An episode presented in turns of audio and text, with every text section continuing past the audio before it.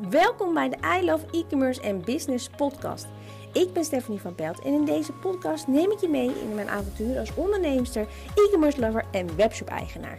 En ik hoop je bij mijn podcast te kunnen inspireren en informeren voor jouw eigen bedrijf. Veel luisterplezier.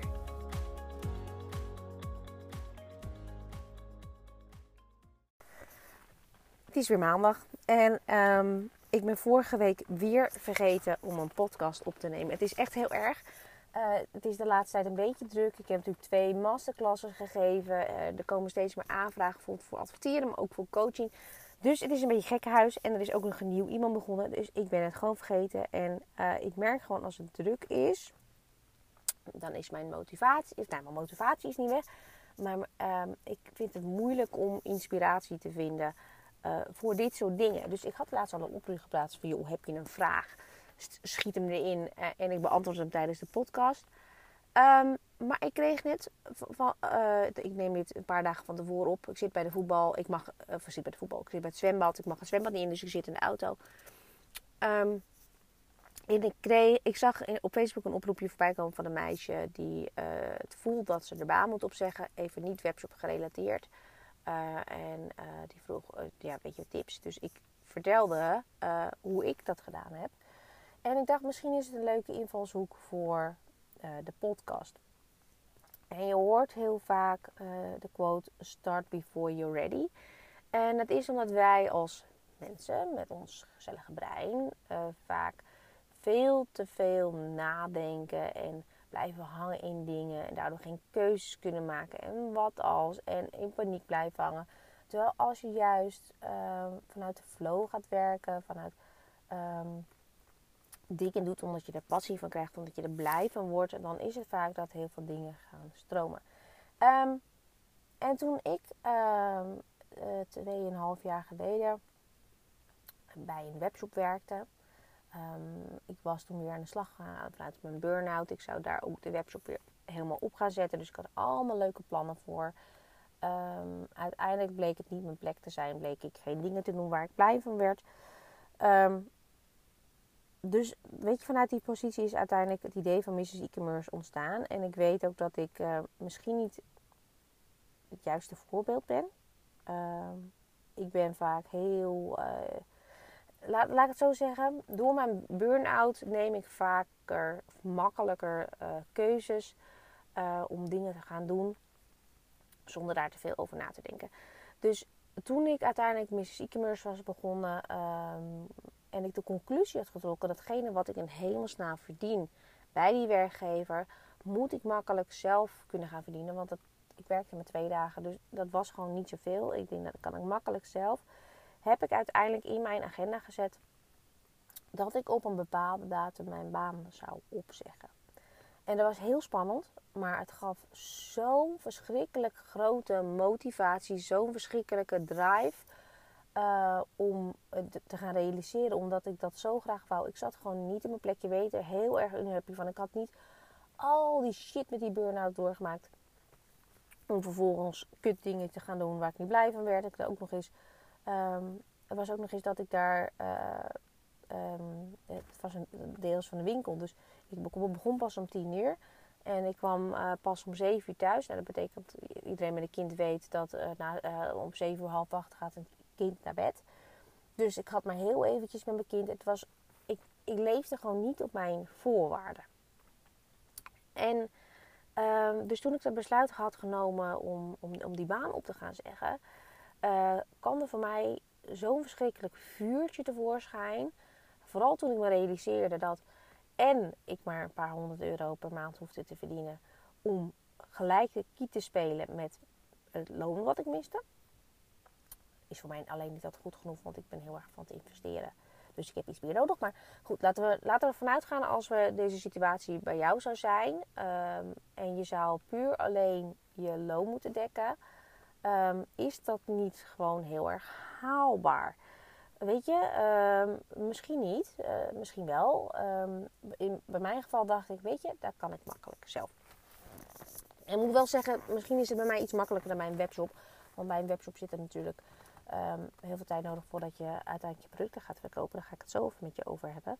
Um, maar het moraal van dit verhaal is dat je soms keuzes moet maken, hoe moeilijk ze zijn, hoe spannend ze ook zijn, om in een stroomversnelling te komen en ergens te komen. En ik heb met mezelf toen afgesproken, want ja, ik moet natuurlijk ook aan mijn man verkopen. Uh, het, weet je, als het niet lukt, als ik niet genoeg geld kan verdienen, ga ik desnoods op zaterdag werken. Uh, en dan weet je, er verdient wat bij en dat haalt, dan, dan, weet je, dan heb ik wat extra en dan kan ik gewoon doorwerken met het bedrijf. En ik heb er ook de eerste maanden wel eens over na zitten denken. Moet ik dan toch niet misschien ook nog op zaterdag gaan werken? Weet je, het is allemaal wat lastig. Het ging wel, maar het was soms wat krap. Het was soms puzzelen. Het was soms toch wat lastig. Ehm, maar dan weer kom ik, je wil leven op je eigen manier. Dat betekende dus dat ik voor een paar honderd euro, want het was natuurlijk niet het uurloon wat ik gewend was, misschien in een winkel moest werken. Ehm, voor die heel veel geld. En daar een dag met mijn kind voor moest inleveren. Dus dat was het me ook niet waard. Dus ik ben door blijven gaan en door blijven gaan en door blijven gaan. En blijven investeren en blijven zaaien, zaaien, zaaien. Waardoor je dus nu in dit jaar ziet dat het, dat het zijn vruchten afwerkt. Maar het heeft dus wel tijd nodig. Ehm, kijk, als jij dus nu met je webshop zit en het levert je nog lang niet genoeg op. Uh, besef je ook heel goed dat je ook moet zaaien, zaaien, zaaien, zaaien, zaaien voordat je op een gegeven moment kunt gaan oogsten. Je moet gewoon een naamsbekendheid opbouwen. Je moet uh, uh, een following opbouwen op social media, een nieuwsbrieflijst.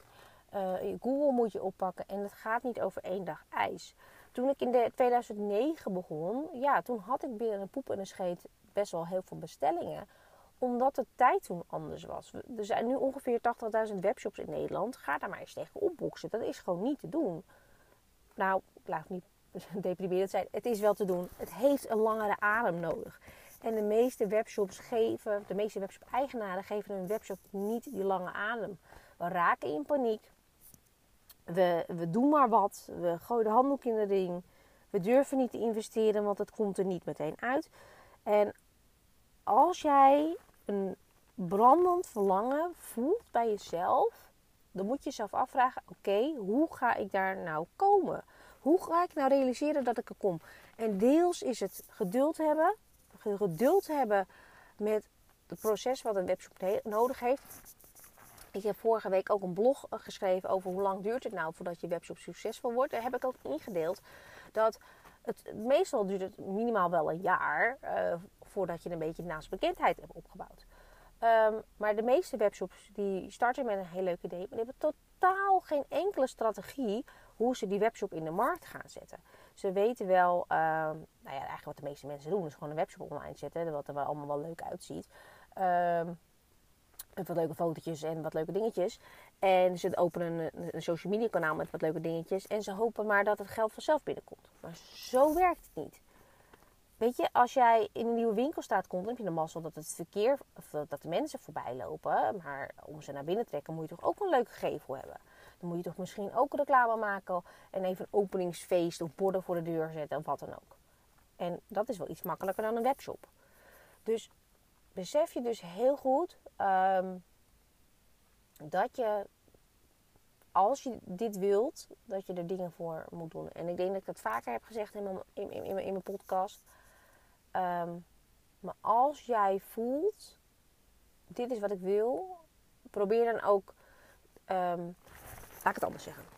Maak de keuzes die je zou maken wanneer er uh, twee, drie nulletjes meer op je bankrekening zouden staan.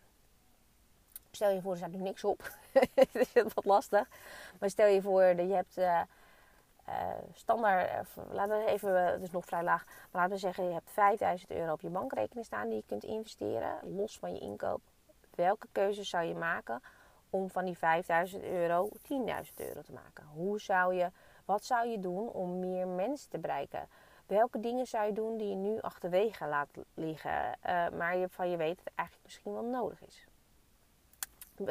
Ga daar eens over nadenken. Ga eens eens bekijken van welke keuzes maak ik nu niet uit angst.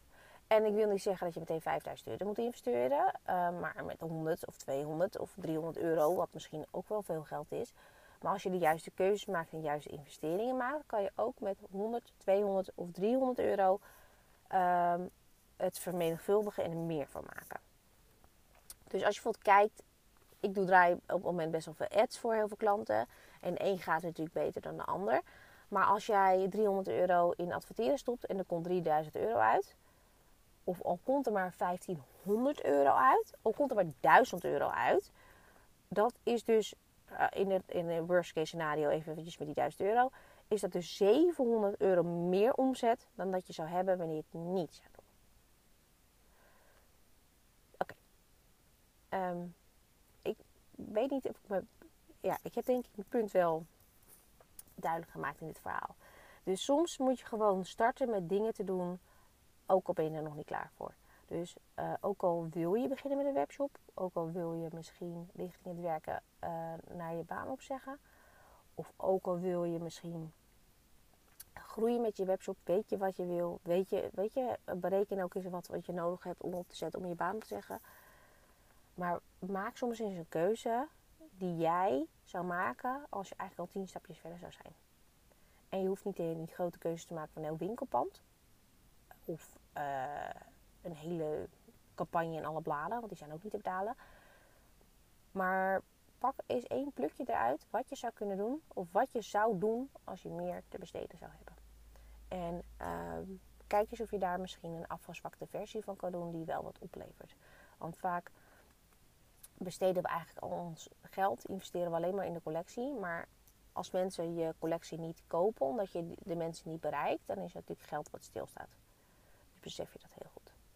Oké, ik ga de podcast afsluiten, want ik ga zo mijn kind weer uit het zwembad vissen. Ik hoop dat hij me kan vinden. Um, mocht je nou nog een goede vraag hebben voor deze podcast, stuur me dan even een DM'tje op Instagram, Facebook, weet niet. Stuur me een mailtje, maakt me niet uit. Uh, dan beantwoord ik je vraag in de volgende podcast. En hopelijk spreek ik je, of dan hoor je mij volgende week weer. Tot dan.